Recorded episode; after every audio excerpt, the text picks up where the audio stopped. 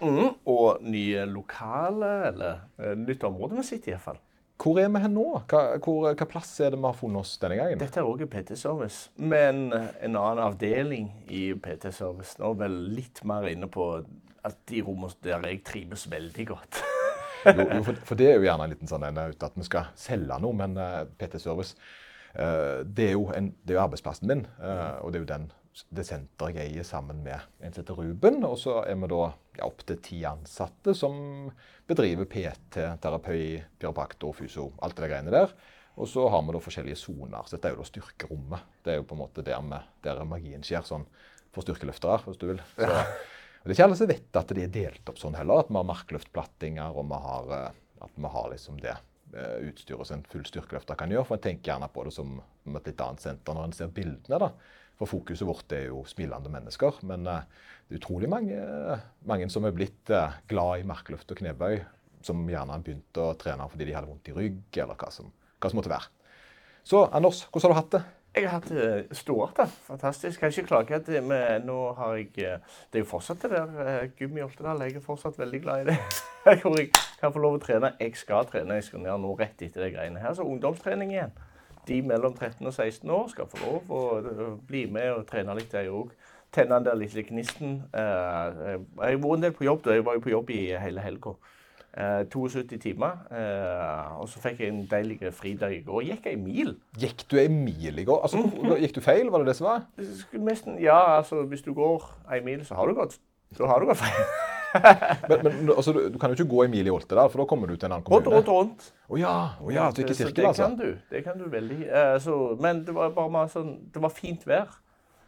Og det, det, det, det, går så lenge imellom hver gang vi har fint vær, så nå fant jeg ut at Vet du hva, det var fint vær, frisk luft.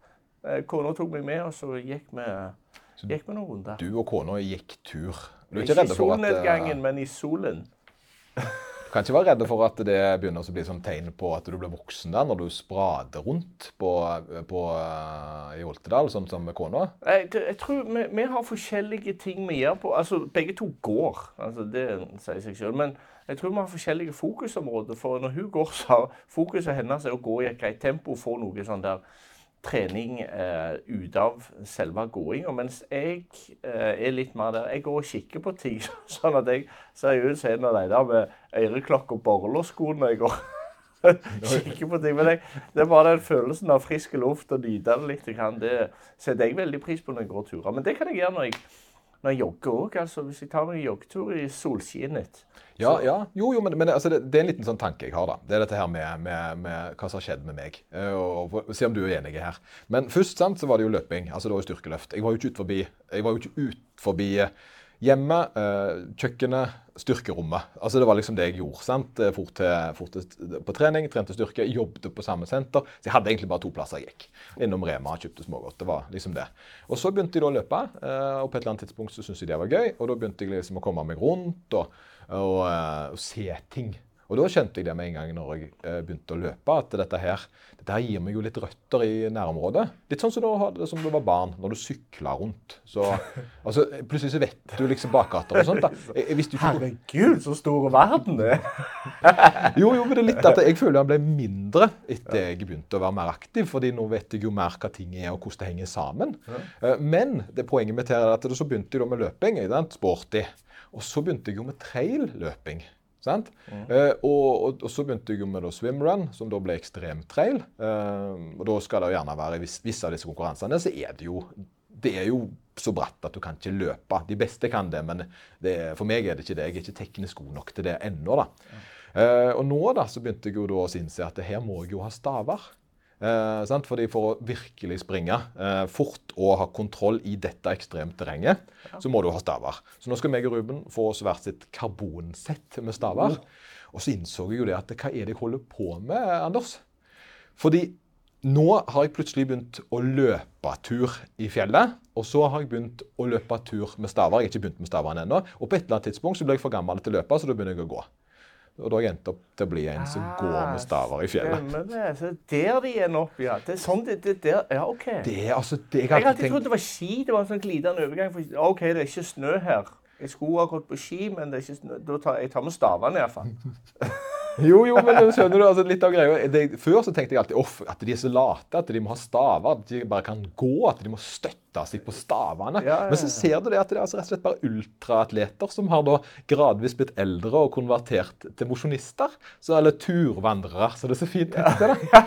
Og den krysninga der det får jo, gir meg jo grøsninger ned i Men, nakken. men det er glidende overgang, da. Ja, veldig glidende, altså. Ja, Så det- plutselig en dag så orker jeg ikke løpe, så går jeg, og så er det tyske nasjonalsanger på hits.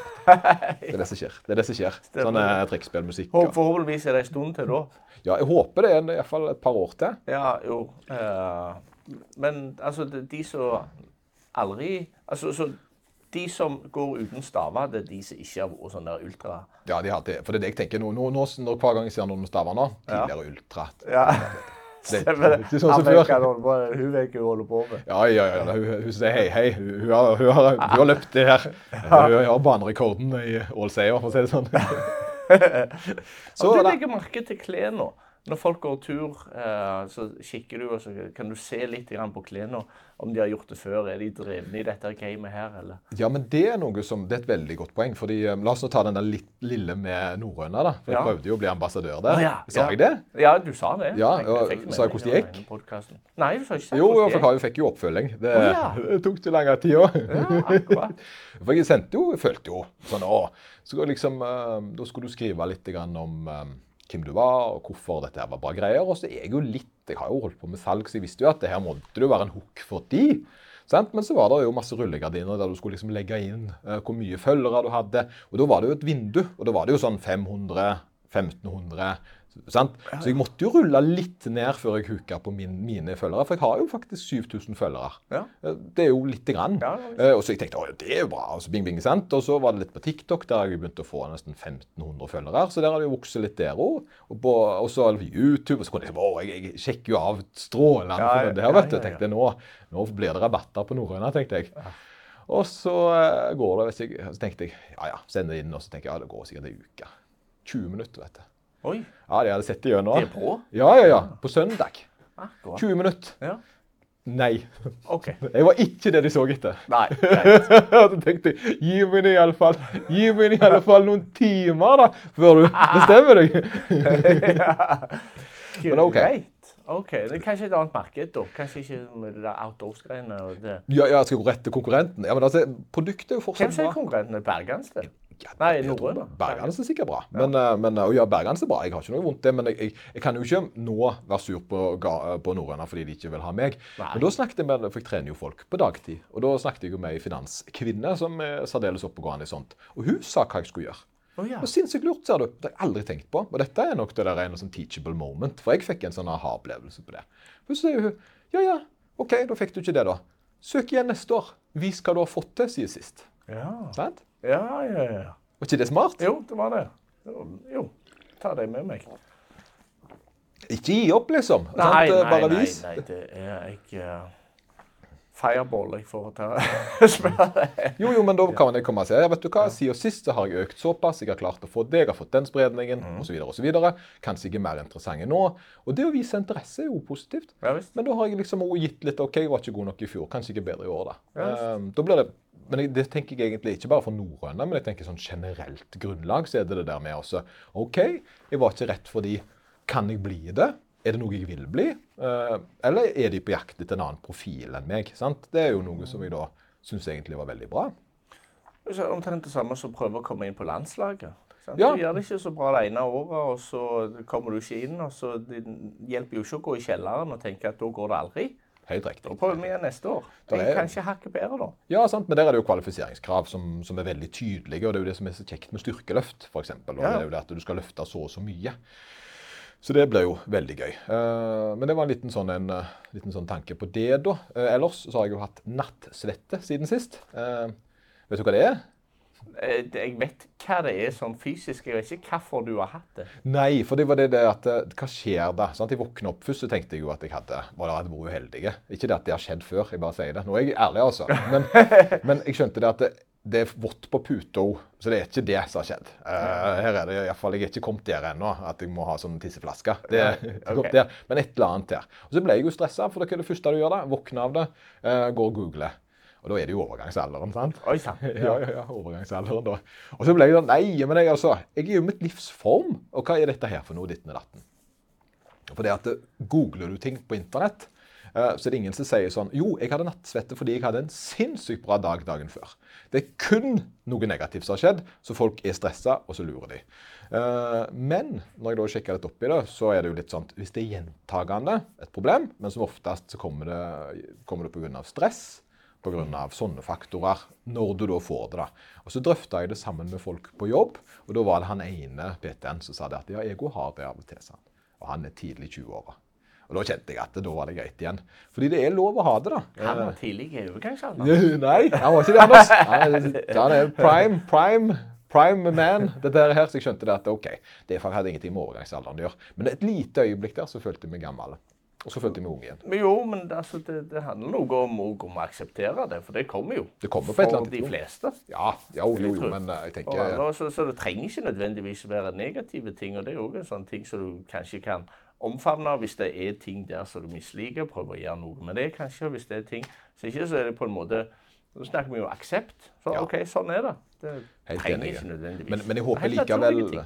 Jeg, jeg håper likevel at eh, episoden om overgangsalderen for menn kan komme litt i framtida. Det må jeg jo si. Ja, og, og damer òg. Og damer, ja, jo, den kommer jo, jo, men det der igjen, det er et tema jeg er litt redd for å snakke om. Fordi eh, jeg kan gjerne komme med sånn veiledende ting en har lest, men det, jeg syns det er veldig vanskelig å snakke Selv om um, en er spesialist på det, Uh, da det er jo ikke vi, så syns jeg likevel at det er litt vanskelig å relatere seg til det. Eksempel eh, så er det noen problemer jeg har, som gjerne ikke damer har, og motsatt. Eh, sånn er det jo. Ja. F.eks. boka et veldig dårlig dette her. Så har vi snudd knebøystativ, eller tre rekker, etter seks år. Vi skjønte at vet du hva, det var lurt å snu det andre veien. Og jeg snudde det andre veien, fordi da ser jeg at du har med to apparater som kan bli brukt til knebøy, for det, det hadde ikke blitt brukt til. Det har nesten utelukkende blitt brukt til benkpress. Snakker med sånn tre rekk som står her på sida. Uh, og min grunn for det er jo at uh, jeg vil at det skal bli en stasjon som folk bruker for knebøy, fordi vi har mange som trener det. Og så er det gjerne litt deilig å være Du får at du blir litt pakket inn, og så ser du ikke rett i veggen. Du ser litt mer ut, sånn som du gjør i styrkeløftkonkurranser. Damene igjen de kom og sa at det var kjempelurt, fordi de syns det er ubehagelig å stå med rumpa ut. Eh, Og det har jo jeg aldri tenkt på. Fordi det er ikke et problem jeg har hatt. Eh, Og der er du litt med den her igjen at det er vanskelig å relatere seg til noe som en aldri sjøl har kjent på kroppen. da. Eh, og da, syns jeg det er litt vanskelig å på en måte forklare om ting som jeg gjerne ikke kommer til å ha. Jeg, og det å snakke om uh, overgangsalder og lære seg opp for menn, det er jo noe som kan være veldig naturlig. Men jeg tror det er bedre folk til å forklare det for kvinner. Gjest. Få en gjest. Skal få en overgangsgjest. ja, skal du si hva temaet er? Du ser ut som du passer i overgangsalder-tema. Kan ikke du være med på dette? Jeg vet jo ikke hva det er 100 heller, fordi det er ikke et tema som jeg føler har vært eh, så viktig for meg men, sant, ennå. Fordi det å være i overgangsalderen føler jeg har vært så langt vekke. Men så blir du jo eldre, da. Det er jo det som er. Det er jo ikke det det skal handle om i dag. Vi kan jo ikke snakke om Nei, overgangsalderen. snakk for deg selv. Hva skal det handle om, da? Ja, det skal handle om sommerkroppen. Ja da, ja da, sommerkroppen. Og da tenker vi jo eh, Sommerprestasjoner. sommerprestasjon. At vi da snakker mer og Ikke dette her om at en skal uh, få den, i, i- den ideale altså sommerkropp. Vi kan gjerne si litt hva vi tenker om sommerkroppen først, men tanken her er jo mer det hvordan ja, Hva er det vi skal? Det er vel det som er, og det kommer jeg vel gjerne litt til. Eh, Men hva tenker du om sommerkroppen, Anders? At eh, den eh, ja, Han har jo alltid vært litt Folk har folk de ser opp til. Folk har eh, Sånn har jeg lyst til å se ut en eller annen gang, og på sommeren så skal jeg vise mitt fram. Eh, for da går jeg i baras og, og alt det der. Og så bare det at jeg føler at det har blitt forskrudd litt grann nå, spesielt nå med alt det der eh, mediegreiene, sosiale medier, der det er bilder og sånn. og eh, Kanskje mye av det kan virke ganske uoppnåelig, og det er på en måte de eh, altså topp tier, altså de beste av de beste, som ofte viser på internett. Å få det til på et par måneder kan ofte bli ganske vanskelig. Ja, ja, for sommerkroppen handler egentlig veldig om å ha en kropp å vise fram i den lille perioden, perioden som er sommer. Det er det som er gjerne det, er det, det, det er sånn jeg ser det. Og, og, men jeg har jo alltid undra meg litt grann over hvem det egentlig er som finner så umåtelig glede i å sprade rundt Uh, sånn. altså, hva, hva, er på en måte hensikten med å sprade rundt? da? For det er jo det jeg ser for meg. Men, det, men det kan jo på neste nivå gjerne handle litt om å føle seg vel i mindre klær. Uh, men jeg tenker jo ofte det at det beste er jo å ha en kropp som en er fornøyd med året rundt. Og det har vi alltid snakket om dette med helårskroppen. da. At det er liksom det en bør etterstrebe, å ha noe som en er komfortabel med gjennom hele året. Uh, og det har jeg jo i litt voksnere alder fått til. Jeg vet ikke om du er fornøyd med din kropp, Anders? Eh, jo, jo, men jeg er aldri i mål. Sånn at det, jeg, det, det, er alltid ting som jeg har lyst til å gjøre. Det er ikke sånn at jeg har kommet til en plass der liksom Jepp, nå er jeg ferdig. Nå, nå, ser det greit ut. Nå, måte, nå skal ikke jeg gjøre mer. Så det er på en måte det er alltid ting å henge seg opp i så jeg har lyst til å gjøre noe med. Sant? Altså, jeg har lyst til, altså, ja, så uh, Altså det er work in progress? på yes, en måte? det er alltid det. det er alltid, og det har alltid vært det. Så får jeg kanskje nye mål og andre ting jeg henger meg opp i. Så, uh, så det er work in progress, men på en god måte. Ja, sant? For, for det, det, som jeg, og da, da, da fargelegger jeg det litt sånn at uh, du går ifra jeg, der jeg har vært og hatt lav selvtillit og lavt selvbilde når jeg var yngre, eh, at jeg ikke følte meg vel, til en plass der jeg er OK komfortabel med hvordan jeg ser ut. Men igjen at det er work in progress, og jeg kan alltid på en måte Men eh, den uh, hinna av misnøye, den har ikke du. Uh, nei, det er ikke noe oppå der, nei. Det, men det, nå har jeg, jeg har vært uh, ganske mye tyngre enn det jeg er nå. Uh, jeg har vært ganske mye mindre enn det jeg har vært nå. så for meg så har det på en måte vært Jeg tror bare jeg har akseptert Altså trivselsvekta mi har vært den vekta jeg hadde. Ja, Men du har aldri vært i en sånn situasjon der du føler nei, nå er det ikke bra? Nei, det, det, har jeg ikke. Selv om jeg har vært forskjellig for deg nå. Jeg, jeg, har alltid bare akseptert at OK, sånn er jeg. Men jeg har òg jobbet mot der jeg var. Jeg har på en måte alltid vært i en fase der jeg har jobbet. Og så eh, har jeg bare akseptert OK, nå er jeg her i den uh, greia. Jeg ikke, mistrives ikke. Jeg vet hva jeg har lagt bak, og jeg vet hvor jeg er på vei hen. Ja, sant. Det er så bra. Det er, veldig, altså det er veldig kjekt å vite det. det da. Og, og det, for meg så er det jo Jeg har jo gått ifra å være misfornøyd til å være fornøyd. Mm. Uh, og det har på en måte uh, Aksept og det løgna her, det er jo dette her noe som gjerne ikke folk forstår. For det, altså, jeg, det er en sånn refleksjon som jeg har hatt. Og dette her med å være god, og det å være sterk. Uh, da trodde jeg som yngre at det var noe en følte seg. En følte seg sterk. Men jeg ser jo at det er i stor grad mangel på å føle seg svak um, som er følelsen.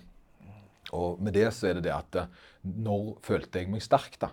Det var når ting som før var tungt, ikke kjentes lenger. Det, for du, kroppen er ikke så veldig god på å si Oi, nå er, du, nå er du sterk. Nå kjennes du sterk ut. Det var bare hendelser der jeg eh, kanskje tenkte at dette kom til å bli tungt, at det ikke var det. At jeg ble litt overraska. Eh, og det samme var det med kondisjon. At det plasser jeg før hadde slitt med å løpe opp eller gå opp, som var lenge siden sist. At jeg hadde en markant endring i opplevelsen sammenlignet med tidligere gang jeg gjorde det. Så det å på en måte gå rundt og føle seg i form, det, det er egentlig bare mangelen på å føle seg i dårlig form. Ja. Eh, og det føler jeg jo med det å ha en kropp en er fornøyd med. Det føler jeg jo i en stor grad en kropp som jeg ikke tenker så mye på lenger. For før så var jeg veldig var på at, viste, at jeg viste den fra en bedre side. Jeg måtte pakke den inn. da. Jeg måtte liksom pakke den inn med de rette klærne, så jeg ikke framheva det jeg var mis, misfornøyd med. Men det, den følelsen der har på en måte forsvunnet. Og så sitter jeg igjen med en kropp som jeg ikke tenker så mye på. Og Det syns jeg er mer deilig enn at en skal gå rundt og føle seg deilig, om du vil. For det, det gjør jeg ikke. Ja. Men målte du deg mer opp imot andre før, og så måler du deg mer opp imot deg og dine egne prestasjoner nå? Eh, jeg hadde nok mål om hvordan jeg skal se ut som. Eh, eller skulle se ut som, Og det er jo litt artige mål, fordi selvfølgelig så har du jo Arnold. Men jeg, ikke, jeg tenkte jo ikke at jeg skulle se ut som Arnold. Jeg hadde jo et vanvittig løye bilde. Og det, når jeg ser når jeg ler Jeg ler jo av, for det dukker av og til opp. For det, I én episode av Friends så er Joey Joey uh, Tribbiani ja. i bares. Oi, ja. uh, og sånn skulle jeg se ut. Ja. Uh, og Joey i bares, det var ikke en veldig trent type. Men ut ifra det jeg syns i den tida der, så, så, var det idealkroppen min. da. Jeg, og uten at jeg på en måte skal snakke ned han, så er jeg nok kommet forbi det, hvis du skal på en måte tenke på fettprosent og muskelmasse og sånt nå. da. Mm. Uh, men det var på en måte da, hvis jeg kom over der, så skulle jeg være fornøyd. Og det gjorde jeg jo. Så, da, så det er ikke så mange som vet hva jeg snakker om her, for Friends er begynner å bli gammelt. Men, jo, jo, men, men det var ikke 800, det, ble, det, ble, det, ble, sett. det ble sett. Men det, det var altså drømmefysikken min. Da uh, Da var jeg fornøyd. Og det, det skjedde jo, så det var jo greit. jeg tror nok det er mange som er enige, og det er mange som kjenner seg igjen. Uh, for meg òg så var det jo altså, Jeg hadde alltid noen forbilder. Sånn at det ser rimelig greit ut. På den tida så var det jo filmer sånn Det gikk jo, det er jo Schwarzenegger og det er jo uh, Stallone, Van Damme og den gjengen der. Det, ser, det syns jeg så rimelig greit ut. Men så tenker jeg litt videre på det. Når du måler deg opp imot sånne som strengt talt er ganske uoppnåelig, uh, er det sunt? Det, vet du, det er en litt sånn artig debatt, da, fordi uh, jeg, det, for det, det, er jo et eget tema, syns jeg. Men, denne, men, jeg føler dagens ungdom er mye bedre på å respektere hverandre på kropp. Jeg føler de har et mye sunnere forhold til hverandre sine eh, enn det vi hadde. Jeg tror nok vi, vi som altså 80-talls- og 90-tallskroppen. Men samtidig så, så, tenker jeg ok, ser du en altså Jeg er jo veldig glad i film. Og jeg er jo veldig glad i eh, altså Jeg har alltid vært glad i superhelter og den fantasy-sjangeren, science fiction. Det har jo vært en ting som jeg alltid har. Eh, og mennene der har jo et har jo fått et større og større grad av ekstremfysikk. For De skal jo på en måte ligne på superheltene i tegneseriene. Mm. Men når du da ser på en måte en superheltfilm nå, da, så, så, er det jo en kropp som, som, er helt sinnssyk i forhold til Joey Tribiani back in the days. Oh, yes. ja. uh, og, og, den er jo urealistisk igjen. Den kroppen som altså, Helt ærlig, som Chris Hemsworth har, f.eks., den, den er jo urealistisk for en veldig, veldig stor av befolkningen. Uten da å ty til ekstreme midler. Og til og med da så kan den gjerne være uoppnåelig. Og det, og det, og da blir en, men, men, det handler jo mer om selvrespekt og selv. sant? Altså, så Hvis det er drømmekroppen din, så har du jo gjerne veldig liten sjanse å nå den. da. Uh, men det er ikke umulig for det. men drømmekroppen din er Joey sin, så ja. er det nok mer innenfor rekkevidde. Men, men jeg opplever egentlig de yngre nå som mye mer, eh, mye mer sunne i disse tingene. Jeg syns de er utrolig reflektert når det gjelder følelser. og Spesielt dette her med å godta folk for det de er. Det tror jeg vi var flinkere å hakke ned på. Ja. Eh, at vår egen usikkerhet stakk veldig mye dypere på den måten før. Mm. Men jeg tenker jo det kan være greit å ha seg du har et mål, da. altså det, det, Skyt for stjernene. altså Gå all in på altså, Finne ut hvordan du ser ut sånn og sånn, og så kan, for, altså, kan du lage delmål òg oppi dette her. Og Det er så vakkert, Anders. fordi det, når jeg så for meg noe og inni hodet mitt, så så jeg for meg ok, hvor skal vi kjøre Segwayen inn til det som jeg ville ha sakens kjerne. da. Eh, så jeg har, da ga du meg den der. Fordi det jeg tenkte, det er jo det at jeg tenkte jo å snakke litt om uh, min uh, ses, Altså sesongen min er jo sommeren. Mm. Det er jo da jeg skal være på topp, og da toppen er jo VM i september. Og Nå er vi jo i februar, og, og for meg da så skal jeg være i fysisk best mulig form i sommer. Uh, og, da, og da, For å prestere så jeg skal på en måte ha den funksjonelle sommerkroppen. Fordi jeg skal være med på triatlon i juni, og så blir det Rockman i juli. Og så blir det da VM i september til slutt. Så da blir en, det, det som Selve konkurransesesongen min i år den er rundt sommeren. da. Uh, og da er vi i februar. Og først ut så er det jo et uh, trailmaraton i april. Det er jo syv uker til. Så da er det jo dette her med hvordan skal en jobbe seg opp mot dette, jeg tenkte. Og, det, og da var det jo et spørsmål har du noen ting du har lyst til å få til i år, Anders? Jeg hadde jo nyttårsforsett, og det går jeg etter ennå. Uh, og nyttårsforsettet mitt er at uh, jeg skal Hvis jeg har den samme progresjonen som jeg hadde forrige år, altså så lenge jeg har progresjon, så er jeg egentlig veldig godt fornøyd. Det er målet mitt, men det, det, gjelder hele året. Jeg har ikke noen sånne kortsiktige mål sånn at nå har jeg noe som kommer opp mot sommeren, nå har jeg noe som kommer opp mot vinteren. Skal kanskje på turné, så det er noe må legges inn. Så, så, jeg må være i form til den. Og i form til turné, Ja, men da, da, da det er jo uh, Men når du sier progresjon, da, hvordan måler du det? Uh, progresjon uh, måler jeg bare altså, I fjor så klarte jeg omtrent like mye som året før. Sånn at jeg var jeg, klarte litt mer enn det jeg gjorde året før. Og det tenker jeg i år òg, for hvis jeg klarer, jeg klarer altså Hvis jeg ikke klarer i prosent like mye som jeg gjorde i fjor, så gjør ikke det noe så lenge jeg klarer litt mer i slutten av året i, fjor, i, i år enn det jeg gjorde i fjor. Så har jeg hatt progresjon. Veldig, Så, og hvis jeg ser progresjonen da fra, egentlig fra starten av altså Hvor mye tar jeg egentlig nå? Hvor, mye, altså, hvor fort springer jeg egentlig akkurat nå?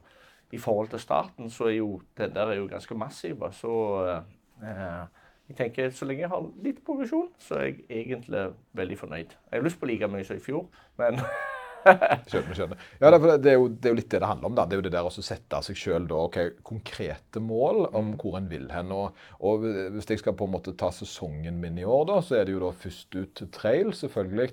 Maraton. Så, så da må jeg på en måte ok, det, For det, nå er det jo noen Litt bakteppe er jo at det er flere som har, eh, har etterspurt og vi skal snakke litt om uh, kondisjonen i tillegg til styrke. Mm -hmm. uh, og det syns jeg jo egentlig, for nå har det jo vært veldig fokus på EM og disse tingene her. Og da tenkte jeg det var naturlig å gjerne bare ta oss og gi fram okay, et bilde på hvordan jeg planlegger min sesong. Mm. Eh, og, da, og, det blir jo det samme for deg, da. For det, sesongen starter vel gjerne nå.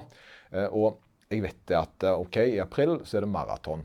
Da er det nesten 3000 høydemeter. Og min svakhet her er jo da uh, å løpe i nedoverbakker. Ikke flatt og ikke oppover, mm. men nedover. Hva må jeg gjøre da, Anders? Må du springe nedover? Jeg må springe nedover. Jeg må trene på det jeg skal bli bedre på. Og så må jeg selvfølgelig finne det rette utstyret uh, til å gjøre det. Men jeg skal òg svømme, for det er Bryne triatlon, og svømming er jo det jeg er dårligst på.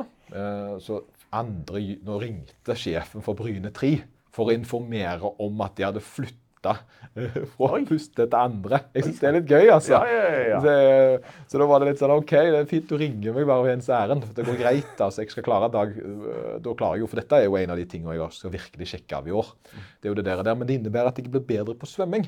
Uh, så det jeg har gjort nå, som jeg ikke har gjort før uh, fordi i styrkeløft så er jo det en ting en gjør. En vet veldig godt hvor mye en løfter. Uh, cirka. Så en har et tall. Uh, og, det, og, det, har jo uh, Og det samme gjelder med løping. Og her kommer detaljen. da, det er at, OK, nå tok jeg først en test sammen med Ruben, da, som er min kompanjong i Svimran. Han ga meg en sånn en kritisk test på svømming, der du da tester hvor du er hen ut ifra å svømme en 200-400 meters der, og så blir det på en måte en sånn terskelsvøm. da. Og Det tok jeg for seks-syv uker siden, og så gjorde jeg det igjen i helga. Og det satt på en måte starten på svømmesesongen. Så god er jeg i form akkurat nå. Så jeg testa formen for å se så god er jeg. Og så ut ifra de tallene der så vet jeg hvor fort svømmeturene skal være. Hvordan jeg skal legge opp svømmeturene for å møte målene mine eh, da mot, eh, mot, det første svømmemålet, som da ble Bryne 3. Eh, så da har jeg rett og slett eh, OK, nå har jeg satt her er jeg nå. Og Det samme gjorde jeg med løping. Hvert år så er jeg i mitt livs dårligste form. Uh, når jeg løper, altså ikke mitt livs, mitt års dårligste form. det er jeg ikke, For jeg har egentlig vært mitt livs beste form hver gang jeg har vært med et løp. Men der jeg tror jeg er dårligst på det året jeg løper, så er det i desember. Da veier jeg mest, og da har jeg nok løpt veldig mye mengde og lite spissing. Pga. været vil jeg tippe, jeg er litt usikker. Men da har jeg alltid en julestemne. Da jeg løper jul, og det tar jeg test. Og så er det Solaløpet Eh, som er i januar. Eh, og Fram til det så blir neste løp i april som oftest. Eh, og Da spisser jeg formen, og så skal jeg løpe fort. og Da har det vært Hafrsfjordløpet der. Men i år har jeg gjort litt annerledes. Nå har jeg da holdt intervalltrykket litt høyere, så jeg er i mye bedre form nå enn jeg har vært før på denne tida her. Og Det å ha konkrete tall fra start eh, har vært en ting som jeg ikke har vært så flinke på i disse sjangrene før. Eh, og grunnen til jeg gjør det, er jo fordi at da kan jeg vite hvor jeg er og hvor langt jeg kommer, istedenfor å vite hvordan det går med endepunkter hele veien. Så jeg rett Og slett uh, har, og dette er nok en ting som overføres til styrke, til løping og alt. Hvor er jeg nå, er veldig bra. Fordi der jeg er nå, det kan jeg forbedre del, altså med delmål fram, fram, fram, fram, fram. Men hvis jeg bare trener for å trene, så vet jeg jo ikke om jeg har framgang. Og i svømming så er det et veldig godt sånt poeng. Fordi eh, når jeg svømte disse testene her, så har ikke jeg nok forhold til tallene til å vite om det var noe særlig forbedring eller ikke. Og ja, jeg hadde svømt, eh, svømte ca. 25 sekunder fortere på 400 meter. Ja. Eh, jeg visste jo ikke om det var bra eller dårlig. Heller. Sant? Fordi det tall som jeg Svømming er for meg ikke den idretten jeg er best på. Så da måtte jeg liksom sjekke opp i det og snakke med Ruben, som er mye bedre enn det på meg. enn meg. Og han sa ja, det, det er bra tall. Bra forbedring på en såpass kort periode. Mm. Eh, og, og, da har jeg jo, og da ble jeg glad. Sant? Da har jo arbeidet, Jeg har fått en reward. Jeg har vist at innsatsen jeg har lagt inn, har gjort det bedre for meg. Jeg er blitt bedre å svømme. Den, løpende svømmeturen jeg hadde, føltes jo bedre ut. Den var ikke så grusom, så jeg vil si at han hadde en lavere eh, effort-nivå. Fordi jeg var mye jevnere. Jeg hadde blitt bedre på å bestemme en konkret hastighet gjennom hele. da. For Sist så var det bånn gass, og så døde det hen, og så var det grusomt å komme. Men nå holdt jeg en mye bedre, mer sånn sikker fart gjennom hele. Så det hadde jo da gjort meg egentlig til en mer sånn Da vet jeg jo litt bedre det òg, da. Mm. Så det, det gjør jeg med løping, jeg gjør det med svømming, og jeg har allerede disse tallene i sykling. Styrke er ikke så viktig i år. Styrke skal i år være uh, noe som, uh, som, jeg har for å styrke opp på de tre andre. Mm. Ellers så har det alltid vært uh, det jeg har gjort for altså, Da har jeg alltid hatt målinger for å bli sterkere i styrkeløft, løfte mer i benk osv. Konkrete mål. Og så skal jeg flytte de, flytte de. Og så skal jeg da gjerne nå de på en spesiell tid når det er viktigst. da, Som f.eks. NM. Sesongen, altså det, det, er jo litt grann sesongstart egentlig for alle. for det, nå, nå, fortalte jeg nettopp om den der lille turen så jeg var ute og gikk pga. at det var sol. Og sol er på en måte veldig god reklame for en joggetur. Veldig god eh, Så tenker jeg eh, Det betyr jo at snart starter sesongen. altså Folk har lyst til å ut og springe. Det er ikke veldig kos å springe ute i snø og sånn. Folk foretrekker kanskje tredemøller. Eh, noen foretrekker ikke det i det hele tatt. så de venter på sola, for da kan de ut og jogge litt. Eh, tenker vi da at eh, det kan være lurt å starte løpesesongen med å finne ut hvor du ligger an? Hvordan du ligger an før du Ja, det er litt det jeg tenker. da, At en på en måte har, eh, at en lærer seg noen tall. og Det, altså, det er jo ikke alle som liker det, men, men, for meg så appellerer det veldig. fordi uh, det jeg ser, når det å lage programmer til folk Nå, nå fikk jeg meg en ny PC. Nå, uh, og så hadde jeg, skulle, nå sa jeg til kona så sier jeg, jeg I helga så skal jeg bare jobbe og gjøre det som jeg vanligvis holder meg vekk ifra. Nå tar jeg denne helga her, så skal jeg bare fritt vilt se hva gjør jeg. Uh, sitter jeg med PC-en, jobber og gjør ting. liksom. Hva, hva skjer hvis jeg bruker helga mi til uh, på en måte det, det, som jeg tror er viktigst? da. Det ble jo over 30 timer med PC-en uh, da fra fredag til søndag. Der jeg da satt og lagde treningsprogram, videoer, uh, fulgte opp folk og egentlig hadde egentlig bare turbojobba. Det var det jeg gjorde. ikke sant? Uh, og, da, og, det, og, det, var jo ganske, egentlig ganske deilig. Det løgna er jo det at en ble, ble for, fikk jo fortsatt dårlig tid på slutten av søndagen når jeg skulle gjøre det som jeg hadde utsatt, som var viktigst egentlig. Mm. For jeg klarer altså ikke å gjøre det viktigste først. Jeg må vente til slutt. Det er desserten. alltid sånn. Det er desserten. desserten ja. ja, selvfølgelig. Det er desserten. Vente til slutt. Ja, ja, ja. ja nå, nå mista jeg jo hele tankerekka mi, men uh, Kom på dessert nå, du. Du var så bare på for mye dessert. Det var veldig godt. Hva var det jeg snakket om før jeg snakket om PC? Nei, det, altså, nei, det var bare PC vi snakket om. Vi snakket om uh, altså, ut og springe. Sesongen begynner for de aller fleste. Er tall viktige for folk flest? Tall, ja. Og det, der har du det. Jo, for jeg satt hele helga og jobbet med akkurat det der. Og mm. det som jeg opplever, det er jo det at de som er stayere på trening, da, de som jeg følger opp, er jo de som følger planen, som da er en plan jeg lager. Uh, og de da systematisk gjør det som står, og klarer å sjekke av disse delmålene som dukker opp i programmet etter hvert. Uh, jeg sjøl til og med, når jeg eh, kjører litt løye, for du ser i bakgrunnen folk som trener. Og det er jo egentlig litt bra på en eh, pod, føler jeg. men de som på en måte Hvis, de, altså, hvis jeg skal hvis jeg, hvis jeg, skulle dikte opp treningsplanen min for dagen da, Jeg skal komme inn her, og i dag skal jeg trene det og det. Så, så, så hadde det blitt ei suppe. Uh, uansett hvor god jeg er til å strukturere ting, så hadde ikke det blitt ei god treningsøkt. Den hadde nok hatt uh, enten for tung trening eller for mye, eller for Altså et eller annet hadde ikke vært, og det hadde ikke vært langsiktig. Uh, og da blir det litt sånn ok, Det blir veldig vanskelig å motivere seg, iallfall for meg, hvis jeg ikke har uh, noen konkrete oppgaver jeg skal gjøre. Og en av oppgavene her vil jo da være å flytte sine egne prestasjoner. Og det opplever jeg som uh, stor mestring. Og jeg ser jo hvor glede folk får av å flytte sin benkpressrekord, f.eks. Det er jo noe en gutt alltid setter pris på. Og når jeg skjønte at jeg hadde flytta svømminga litt, og endelig har noen tall å forholde meg til der, for det har jeg ikke hatt før nå Det er andre gang jeg tar denne testen. For jeg har bare svømt deg før. Og så har jeg hatt testene i konkurranse. Og de har jo selvfølgelig blitt bedre. Men jeg har ikke hatt noe forhold til det på trening. Så, sant? med en gang jeg nå vet at nå skal, skal den det intervallet gå så fort for dem, og da, da plutselig så er jeg i helt annen oppgavemodus enn jeg var før, der jeg bare gjorde noe greier.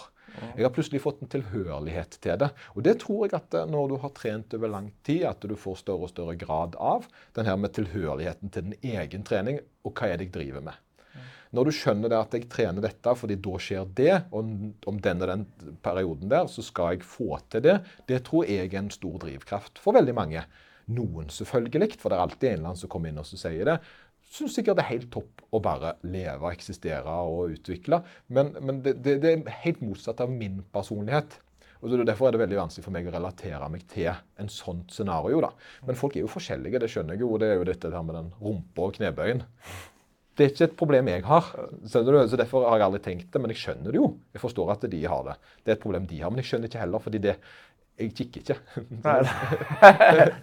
Det er ikke jeg heller. Nei, nei, nei, ingen. Jeg går jo instinktivt. altså jeg prøver jo, altså, men, men, nei, men altså, det er ikke en naturlig ting for meg. da. Eh, det andre er ofte at jeg ser jo veldig mye gjerne på hoftene når jeg hjelper folk med knebøy. Uh, og det kan kanskje, uten å ha tenkt på det, så kan det gjerne oppleves som litt rart ut at folk driver og kikker på det når du bøyer. Men jeg tror veldig, altså i styrkeløft er det veldig vanlig å se på hverandre når de gjør knebøy, for å liksom lese teknikk, være til. Og det er jeg gjerne litt skada på. Så hvis jeg hadde gått inn på et annet treningssenter, så hadde det kan hende noen hadde opplevd at jeg hadde glodd. Fordi de skjønner ikke hvem jeg er, og hvorfor ser han så veldig på meg når jeg gjør knebøy. Så skjønner de ikke at jeg driver og planlegger. sant? Jo, jo, skulle stått litt bredere. sant? Altså, det kan være. Det Gjør du det? Altså, altså, Kikker du og tenker du teknikk når du ser andre utøvere som Altid. du ikke er coach for? Alltid. Til og med når jeg går ut folk går over veien, så tenker jeg om de er gode knebøyere eller ikke. Altså, ja, men jeg gjør det. Jeg, jeg, jeg setter folk i vektklasse og styrkeløftkapasitet i bås. Og det er så skada er jeg. Og når du sier det, så er kanskje det et problem. Ja. jeg aldri på. Men det er naturlig for meg. Uh, da går jeg og ser Oi, han der hadde nok løfta veldig mye. Eller hun der hadde vært veldig god i den øvelsen der. Sant? Altså, det, men og nå er jeg jo kommet litt over i den løpegreia òg. Når jeg ser løpeteknikker. Det er jo det jeg ser på. Jeg ser jo ikke på folka, jeg ser på hvordan de beveger seg. tenker jo automatisk ergonomi og sånn. Men kanskje folk tenker at hvorfor glor han sånn? Ja, ja kan, godt være. Noen tenker nok kanskje det òg. Ja. Men så er vi jo forskjellige alle sammen. Ja, for... Eh, men jeg tror du kan altså, Uh, litt enig i det du sier med å, å bare lage seg uh, en Ikke en pers, men en rekord akkurat nå. Hvor fort, hvor fort, klarer jeg å gjøre ting? Altså Hvis det er springing da vi snakker om, siden solskinnet kommer forhåpentligvis en eller annen gang her. Så folk skal begynne sesongen sin ut og springe. Ta så Lag en liten eh, hvordan ligger vi an nå. For det at eh, noe annet det vil føre til over tid, er jo at neste gang du måler dette her, Hvis du har sprunget altså ofte, og du, det, altså du har sprunget en del, så vil rekorden din være bedre. Og det så fører til det er jo en mestringsfølelse og du ser at ting fungerer. Du får en reward, ja. Helt riktig. Ikke sant. Så det tar kanskje litt tid, men den der, bare den lille at du ser at det fungerer, det, det stemmer jo. Altså, Hvem skulle trodd at trening fungerer? Ja, ja, ja men for, det, for frem til og det jeg sier, frem til spesielt med den svømminga der. For det er jo en sånn, for meg nå, når jeg nå, nå, For nå vil jo Ruben, da, som er min svømmecoach, blitt, skal jo da lage et program, og så skal han lage det ut da. OK, så god er du nå, Lloyd. Da skal dine svømmeøkter være så og så raske, så og så mange distanser. Mm. Og nå er jeg jo i en plan. Og nå plutselig har jeg tilhørighet til det jeg holder på med. Så jeg, før så svømte jeg bare og prøvde å øve på teknikk og alt det greiene der. Og det å ikke få til teknikk, det er ikke så givende. På et eller annet tidspunkt så begynner teknikken å bli bedre, og det har den jo blitt. og når den er blitt bedre nå, så begynner den jo da Men det føles jo alltid likt ut i vannet. Jeg, jeg, kjenner altså når, det når ting er altså Skjønner du, når jeg ikke har jeg vet jo ikke hvor fort jeg svømmer. Det jeg mener, altså det føles jo bare litt fælt hele tida. Grader av fælt, hvis du vil. Men, men, at nå begynner jeg å flyte litt bedre, og det føles da mindre ut som en kamp om livet. Men jeg vet jo ikke om det jeg gjør, resulterer i noe annet enn at jeg har det mindre fælt. Men når jeg da ser OK, bang, her er det jaggu meg framgang. Jeg har blitt bedre på å svømme. og Så plutselig kan jeg hooke av. Så hvis jeg jobber aktivt nå, så skal jeg prøve igjen, og så skal jeg slå den. Og når jeg da gjør det, noe jeg er bestemt på, Så blir det bra. Og så har jeg et forhold til tallene som plutselig er litt annerledes. fordi når jeg da skal med Bryne 3 og skal svømme 1500 meter, som er den triatlonen der, så har jeg for første gang en fart jeg skal holde. Og, den, og den har jeg konkret da Så fort skal jeg cirka klare det på. Jeg har for første gang et mål om hvor fort svømmeturen skal ta, istedenfor å komme i mål. Ja. Det er en annerledes. Men en må jo begynne der. Mm. Eh, og så kan en jo, hvis en ønsker, gjøre det mer og mer avansert. Og det er jo der igjen, da, med løping f.eks. Nå skal meg og Ruben ha tempoøkt, for jeg er løpecoachen hans. ikke det kult?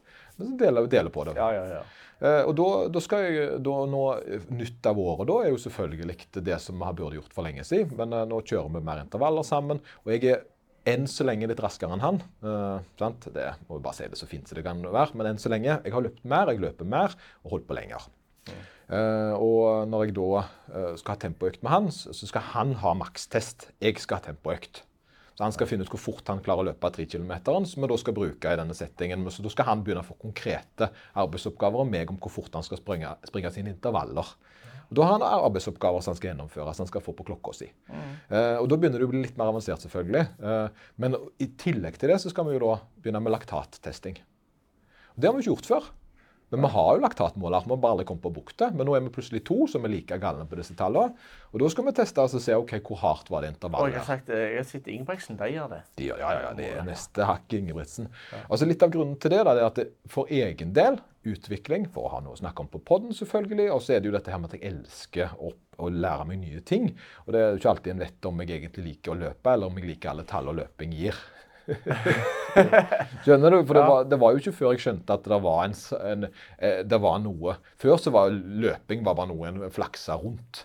Sant? Men så begynte en å skjønne alt den der, eh, alt forskninga som jeg da setter som pris på. Det ble min måte å se på det. da.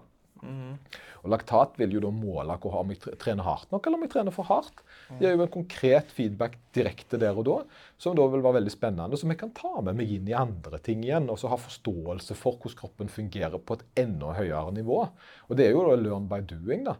Og det var jo egentlig dette her, øh, de der øh, triatlonutøverne som Altså, jeg elsker den podden som han har. Der han, øh, The Norwegian, The Norwegian Method syns jeg er kjempefin. Og, det, og der er det jo bare watt, kilometer, terskeltesting. Og han sa han hadde testa 1600 ganger. Altså tatt terskel.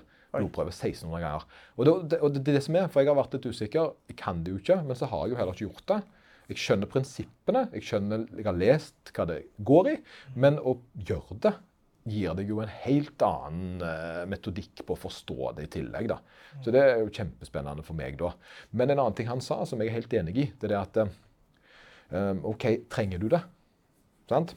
Uh, og da sa han det at den tida der de beste vant pga. at de hadde mest talent og mest viljestyrke, er nok over. Da tenker jeg på triatlon spesielt.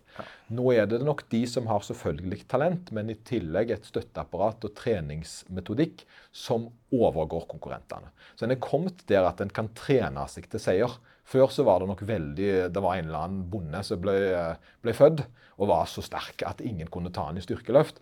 Men nå er det nok større grad en blanding av tekniske ferdigheter, mentaltrening mental trening og alle disse faktorene her som på toppen av et talent gjør deg til vinneren. Da. Og Det er jo litt kjekt for meg som gjerne opplever at jeg ikke har verdens største talent, at jeg kan bli smartere i det, og det kan være en annen eh, måte å bli bedre på. Jeg, på, innenfor styrketrening så eh, har vi av og til Vi har snakket om forskjellige tommefingerregler. For det at nå er vi jo i en tid der folk har generelt sett litt mindre penger.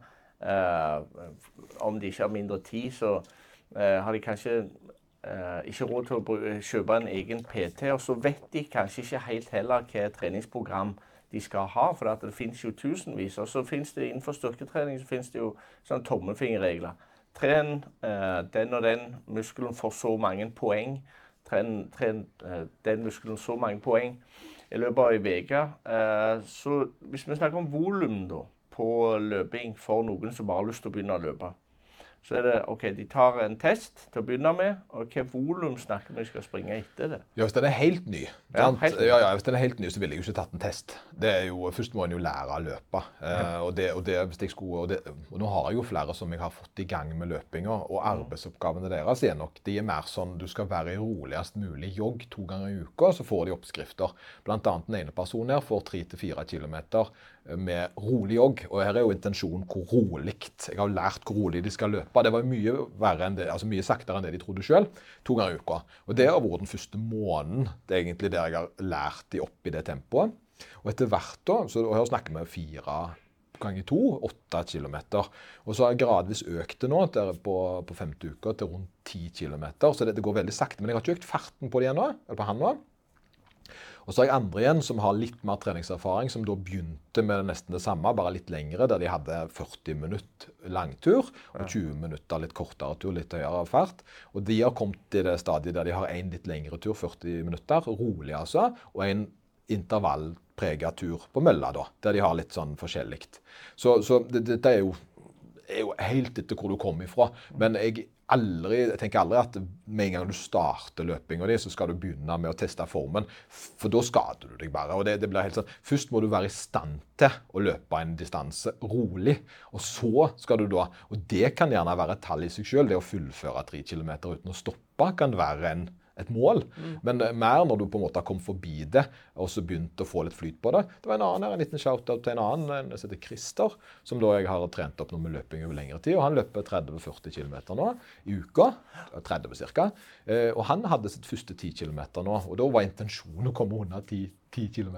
Nei, det er under timen. Beklager. Det er ikke vanskelig. ja, det er vanskelig. Nei, beklager. Han kommer under timen. Eh, og, men problemet var det at han mista jo jeg tror han sprang ifra 60-minutteren, for det var flaggfolk, og endte seg på 55. Og til slutt, og det var litt dumt, mener jeg, akkurat at han på 55 Han løp nok litt fort, så det ble jo 53,5.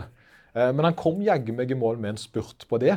Så, så her snakker du da en som for første gang Men han har jo lagt masse grunnarbeid, og var da i stand til å sette 53,5 som da tallet. Og det skal jo han slå neste gang. Ja. Og det tallet der, det har jo jeg òg nå. Så, så ok, da kan du springe så fort på 10 km. Da vet jeg sånn cirka hvor fort du kan springe 5 og 3 og alt det der greiene der. Så en skal ikke og, og, en skal ikke sette seg inn i alt her, men det å vite at sist gang jeg sprang den, så sprang jeg 53, at det kan være noe jeg vil slå neste gang, det er jo et konkret mål. Og hvis du har en tre-fire-fem forskjellige konkurranser du deltar i, eller ting du gjør, så er jo det målene dine. da. Ok, At en gradvis prøver å slå de. Eh, kan du finne ut på et eller annet? For det, at, det som jeg har forstått, er at uh, altså, jogging eller løping, springing, uh, er ikke løping. Nei, altså Definisjonen her er kjempevanskelig. og det, Jeg mener jo løping, jogging og her, er- det, her er nok det Løpepuristene mener nok at du springer i et spesielt tempo når det kalles løping. At du skal gå så og så fort. Jogging ligger jo egentlig litt i ordet der en gjorde noe sånt At en gogga, en gikk med litt sånn spredt før. Men, men jeg føler at det er løping, egentlig, så lenge en ikke går. At en går over i den her neste, neste stilen. Men når en er i starten, så kan en jo ikke løpe. En kan ikke springe 14-15 km i timen uh, når en nettopp har begynt. Men en er jo inne i prosessen, da. Så jeg bruker ordet løping og jogging veldig om hverandre, fordi jeg vet faktisk ikke helt hva forskjellen er.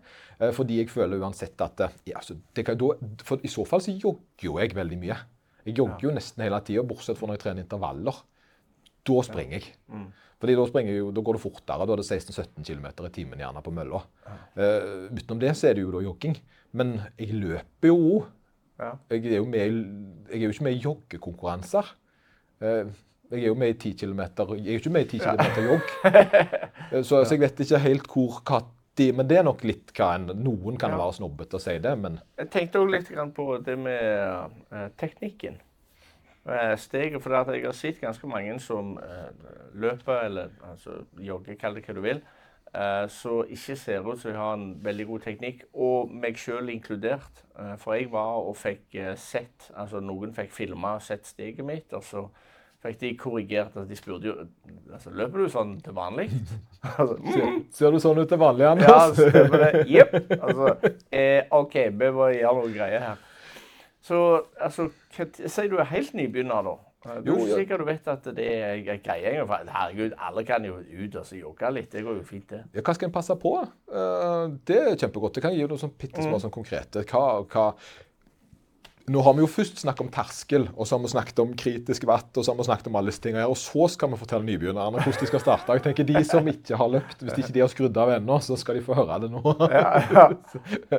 Men det som jeg gjør, det, det, med det, det, det er et par sånne viktige ting. Det, det ene er hvis en begynner å løpe i litt voksen alder, så må en faktisk regne med at en får litt vondter.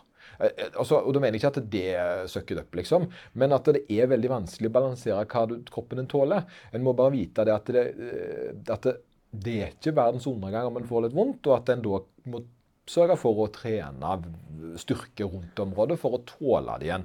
Det veldig mange gjør, det er at de begynner å jogge, og så blir de bitt. Og så løper de mer og mer, mer, mer, og så fem ganger. Så, så nå skifter jeg ordet til løping. Ser, ser du? Jo, nei, er Eh. Og så fem ganger i uka plutselig. Og så blir den Kroppen har liksom ikke altså, Too much too soon. Det er liksom det som er den hellige setningen her. Og da får de vondt. Og løsningen da er stopp opp med alt. Eh, sant? Og det nytter jo ikke. fordi da når du begynner å å, det var så kjekt sist, begynner å løpe igjen, så får du vondt på akkurat samme plass. fordi du har akkurat samme problemet. Eh, Og det skjedde med meg. Først så fikk jeg plantarfasitt, som er en eh, betennelse under foten. Så fant jeg ut at hvis jeg bare styrker foten og gjør sånn som det, så blir den bedre. Så har jeg aldri hatt plantarfasitt igjen. Og så har jeg vært veldig prega av akilles. Eh, som jeg da fant ut at hvis jeg bare gjør sånn og sånn, og får de og de skoene, og styrker den, så går det vekk. Så nå er jeg i stand til å trene større og større, mer og mer volum, og hardere og hardere intervaller, uten at den plager meg. Jeg kjenner det av og til, så det er en av de tingene, litt fordi den løpetekniske her. Men da har jeg hatt, jeg har ennå ikke hatt beinhinnebetennelse. Det heter ikke beinhinnebetennelse lenger, hvis jeg ikke tar feil. Men jeg har ikke hatt vondt på framsida av leggen da, ennå. Men jeg vet hva jeg skal gjøre når jeg får det. Eh, Og hvis at jeg får for vondt, så kan jeg da sant, løpe saktere. Jeg kan hoppe opp på eh, vispen, som de så fint sier. Det er ellipsemaskinen. Så jeg ville jo da ikke stoppet. Jeg ville da gjort noe alternativt imens. Jeg ville eh, gått på ellipsemaskinen, jeg ville svømt, jeg ville sykla, kanskje økt litt av det, mens kroppen nå får eh, rehabilitert slagene. Fordi det er jo nettopp det. Når du løper, så dunker det knallhardt. Og spesielt da hvis du lander på hælen. Og det da folk hører med en gang, det er at ok, du må løpe på tærne. Nei, det er ikke det jeg sier. For det, du, du ser folk som løper fort, de løper på tærne. Men jo fortere du løper, jo mer vil du ende på det. Eh, Du vil instinktivt komme over i en annen teknisk for å prøve å produsere kraft. Det som jeg ser som jeg skulle gitt som en ku, det er at den prøver å lande litt på midtfots. Og hvis den hører godt etter når en løper eksempel på en mølle, at den ikke opplever vanvittige slag, at den lander hardt. At den prøver å lande litt sånn eh, At den prøver faktisk å eh, lande ja, midtfots. At den har liksom det beste forklaringen jeg har hørt noen gang, er at hvis du tenker at du har ei hestehale, så drar du i den så at du blir litt lang. Litt foroverlent, og så har du føttene litt unna deg og ender opp litt på midtfots, sånn at du ikke dunker. For det som skjer når du blir trøtt når du løper det, hvis, du har løpt, hvis du har løpt lenger enn du noen gang har løpt før, så vil du fort merke at du begynner å lande på hælen. Eh, og da begynner det å sette seg i ryggen igjen. Så da er det mange folk som får vondt i ryggen av å løpe. Eh, og Da får de harde slag, og så får de vondt i knærne kanskje, og så har du på en måte den der gående der. Og Det er jo da kroppen som kompenserer for det de orker. Kroppen er ikke sterk nok. Så det å øke gradvis belastningen i løpinga da er jo så at kroppen lærer seg å tåle mer og mer den uh, belastningen som kommer. Nei, jeg, det- jeg tror det er ganske mange som lurer på det. Og jeg lurte jo ikke på det før jeg lurte på det, så det er greit å få sånn tips med eh, altså løpeteknikk òg. At det har en del å bety for eh, altså, om Ja, du er disponert for eh, skader. Ja, altså, Noen har jo mer naturlig. Det har jo litt med kroppsvekt å gjøre òg. Altså, hvis du veier 120 kg, da, så, så det er klart at det vil jo være høyere belastning per uh, tråkk. da. Og da er jo det gjerne noen uh, forstå, Jeg forstår jo det at det er lettere å skade deg hvis du veier 120 enn hvis du veier 60. Det er jo naturlig. Og, men det betyr ikke at det ikke går an. Men en bør gjerne ha en litt roligere tilvenning for kroppen. Fordi det finnes jo folk som veier 120 kg som fullfører ultraer. Det var jo en som blåste forbi meg på den backyarden. Han var nok sikkert 30 kg tyngre enn meg, og han slo meg. Eh, Så, så det, det sier jo ikke at det betyr at jeg eh, det jo ikke, Jeg føler jo ikke meg dårlig for det av den grunn. Jeg syns heller det var en veldig, altså ekstra imponerende av han. Ja. Så det kan du ikke si at ah, det, det er sant, jeg er dårlig pga. det. Nei, nei, nei, han var rå, han. Ja, det er jo det, altså, Vi har jo ikke fulgt reisen til de andre. Helt riktig. Vi vet ikke hvor de kom ifra. der. Nei, Det kan være at de har trent spesifikt på det i mange mange år. og så, eh, De har sannsynligvis det. Så ja, altså, det, Mm. Garantert så har de vært helt eh, maskiner. Sendt back in time. Mm. Eh, det, det, Men da tilbake til det som vi snakket om tidligere, med dine egne eh, altså, eh, Mål deg sjøl opp imot dine egne prestasjoner. Og det òg vi snakker om sommerkroppen. Mål deg sjøl opp imot deg sjøl. Prøv, prøv å akseptere det litt. Det er den lille der med at du starter eh, Jeg starta sjøl min treningskarriere med å ta armhevinger i senga. Dette har jeg sagt før. Det var eh, fordi at jeg ønskte da å bli sterkere og ønsket å se ut som Joey Tribbiani. Det var før, det var før Friends. Ole, dette Oh, yeah. her. Oh, yeah. Til og med før Friends. Ja. Jeg begynte å trene. Og Det sier litt, om det daterer meg litt. Men da begynte jeg i senga fordi jeg klarte ikke ta armhevinger på bakken. Mm. Og da kunne jeg bruke spretten i madrassen til å klare armhevinger. Og det Og benkpress uten stopp. Ja, da var det benkpress uten stopp. Men da begynte jeg Det var på en måte sånn jeg klarte, klarte å gjøre det, da. Og det var jo det der det starta. Og så etter hvert når jeg klarte mer og mer, så plutselig så klarte jeg det på gulvet. Og hver kveld da, som, eh, som te, sant, ung tenåring, så tok jeg armhevinger. Og da ble det bedre og bedre på det, og sånn starta egentlig min treningskarriere. Og så var det inne eh, på et lokalt treningsstudio, og så begynte jeg på en måte å trene bryst og biceps istedenfor bare bryst. Litt nedtrekk. Ja, det viktigste. Litt nedtrekk var det. Men uh, jeg har for øvrig lagd en sånn en, eh, videoserie nå som handler om større biceps. Ja. Fantastisk gøy. Fantastisk gøy. Jeg har fått, har fått litt hjelp på de videoene. Det må være lov å si for dette her. Men, men eh, det som er litt morsomt her, det var det at eh, back in the days så var det en tegneserie som heter M. Husker du det? Nei. Mats Larsen lagde en sånn tegneserie. Ah, ja. Og den var litt sånn kryptisk, fordi den Dette har jeg jo fortalt til han- Men Mats Larsen lagde en tegneserie som handler om at han lagde tegneserie. Ja. Uh, og, og da lager han en av de der rutene her, er sånn veldig spesifikt, da, så lagde han en. Og den handler da om noen dinosaurer som sier promp, fis og bæsj. Oh, ja. Det er det de gjør. Og Det, det, det er det eneste de kan. det, det de sa promp, fis og bæsj. Ja, okay. Det var liksom det. Og så spør kona, da, som inne i tegneserien, hvorfor har du lagd en tegneserie der dinosaurer snakker sånn? Jo, det er jo for oss å treffe de yngre publikum. Jeg føler det er litt sånn Ja, denne videoserien. ja, det. det, det er litt eh, koselig. Jo, men jeg er sikker på at det er ganske mange eh, godt voksne òg. Så liksom, herregud, det er ikke for unger. Men det virker jo litt grann, jeg, jeg kan bare se for meg. Ja, for det er jo hipt og hipt til Hoppesen, og det er jo det som er. Jeg føler på en måte jeg er litt sånn det, men Har du sett den memen med han som eh, At det er han åh, Steve Buscemi, tror jeg det. Så jeg, Hello, fellow kids, sier han. Han er jo 60 eller noe sånt. Han tar capsen bak fram og skateboard i hånda. Jeg føler meg litt sånn. Han skal infiltrere en ungdomsskole.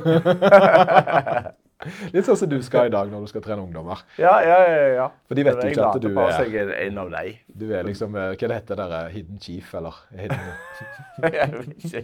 Yo, yo. Yo, yo, what's up in the neighborhood? All right. Skal vi se, Uh, du skal jo snart gå der til, men en en liten ting jeg må, må nevne da, som, uh, som kan være spennende, det er dette her med forbrenning blant eldre. Den må vi jo ta og kikke litt på. Ja. Eh, og hva er det dere der? Fordi eh, det en har hørt ofte, er at det, er Over 40. over 40, eller generelt. da. Jeg har ikke den samme forbrenninga jeg hadde når jeg var yngre. Eh, og, og da kan jeg dunke en kraftig uh, studie som ble gjort i 21 eller noe. Uh, og det var sånn type eh, nesten, altså nesten 7000 personer med. Ganske bra studie som testa forbrenning. Og det en så da, det var det at eh, når spedbarn opp til ett år de hadde gans, 50% høyere forbrenning enn andre.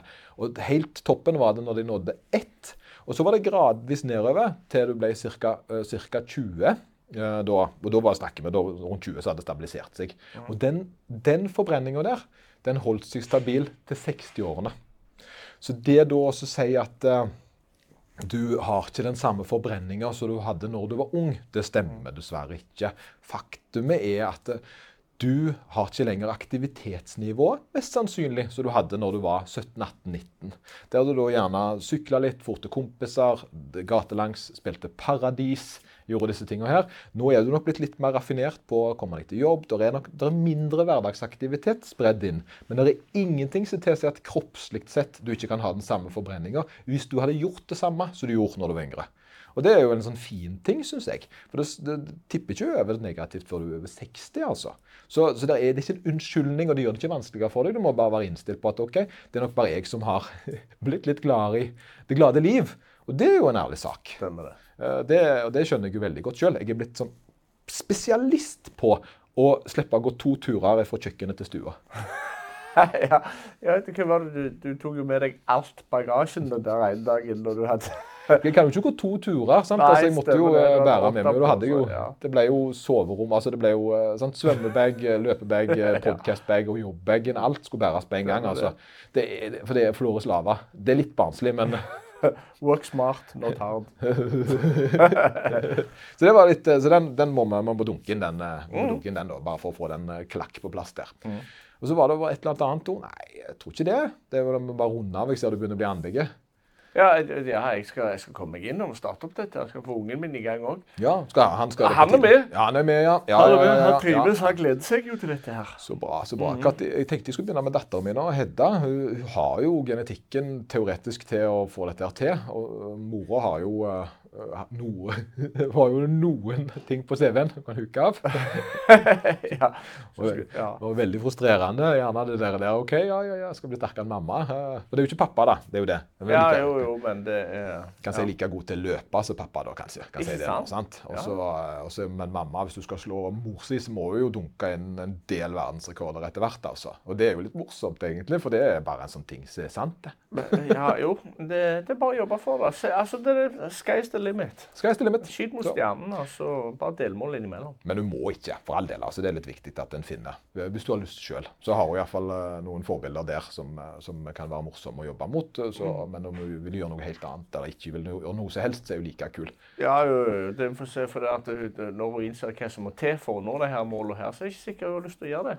Å gjøre noe, hoppe fallskjerm. Hun er jo en gamer. eh, Ja, eller det. Meg og hun spilte jo Fortnite nå, og hun er jo eh, chief. Det er hun som bestemmer hvor vi skal hen og hva våpen jeg skal ha. Og så kommer på andreplass på, eh, på en sånn en Jeg kan godt forstå hvorfor hun bestemmer hvor dere skal gå hen. Hva er det du sier, Anders? Hva er det du sier? Ser du ikke hva du mener? Stesansen. Ja, det er vel et kjent faktum, det. Men, men uh, hun er veldig god, da. Eh, Det vil jeg si. Og så hun er åtte år. eh, og jeg sier syns hun er god, for jeg syns ikke jeg sjøl er dårlig. Eh, det er jo det som er. Og når vi kommer på andreplass på en sånn en team uh, Hva det heter for noe? Deathmatch. Deathmatch? Ja, det, det er sånn uh, Battle Royale. Oh, ja, okay. ja, ja, ja, ja. Må jo klare det. Så føler jeg at vi da er med et godt team, altså. Ja, ja. Det er vinterferien vår. Det blir gaming, da. Ja, okay. Gaming og McDonald's, ser jeg for meg. Det Høres godt ut. living the dream. Oh, yes. Kjør uh, vignett. Følg, lik, del, kommenter. Sosiale medier, Facebook, TikTok, Instagram, alt i sammen. Eh, takk for oss. Snakkes. God helg.